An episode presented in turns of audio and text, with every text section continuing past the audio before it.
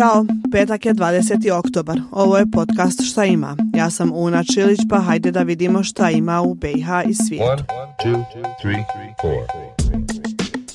U Sarajevu se održava sjednica vlade Federacije Bosne i Hercegovine, a o čemu će biti riječi na sjednici saznaćemo tokom dana. Pored toga u Banja Luci je najavljena posebna sjednica Narodne skupštine Republike Srpske na kojoj će biti raspravljano o posljednjem zaključku koje je usvojilo predsjedništvo BiH.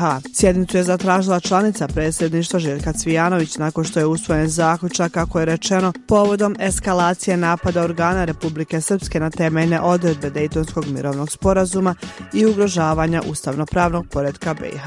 Za ovaj zaključak glasala su druga dva člana predsjedništva Bosne i Hercegovine, a po ustavu BiH entitetska narodna skupština razmatra izjavu člana predsjedništva iz reda srpskog naroda i ukoliko je deset dana od dana prosljeđivanja potvrdi dvotrećinskom većinom, osporena odluka predsjedništva ne stupa na snagu.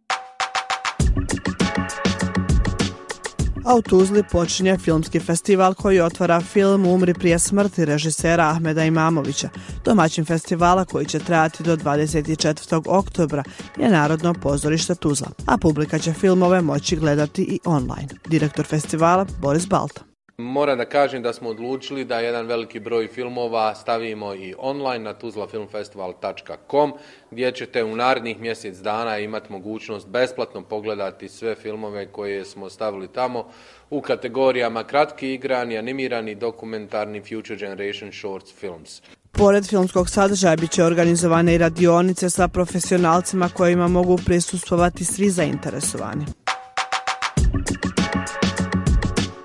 Washingtonu počinje samit između SAD-a i Evropske unije. Učestvuju predsjednik Europskog vijeća Charles Michel, predsjednica Europske komisije Ursula von der Leyen. Ovo je drugi sajednički samit od kako je Biden, koji na samit stiže iz Izraela, preuzeo predsjedničku kancelariju. EU zvaničnici se nadaju da će sa Sjedinjenim državama sklopiti sporazume kako bi se ukinule carine nametnute tokom mandata bivšeg predsjednika Donalda Trumpa.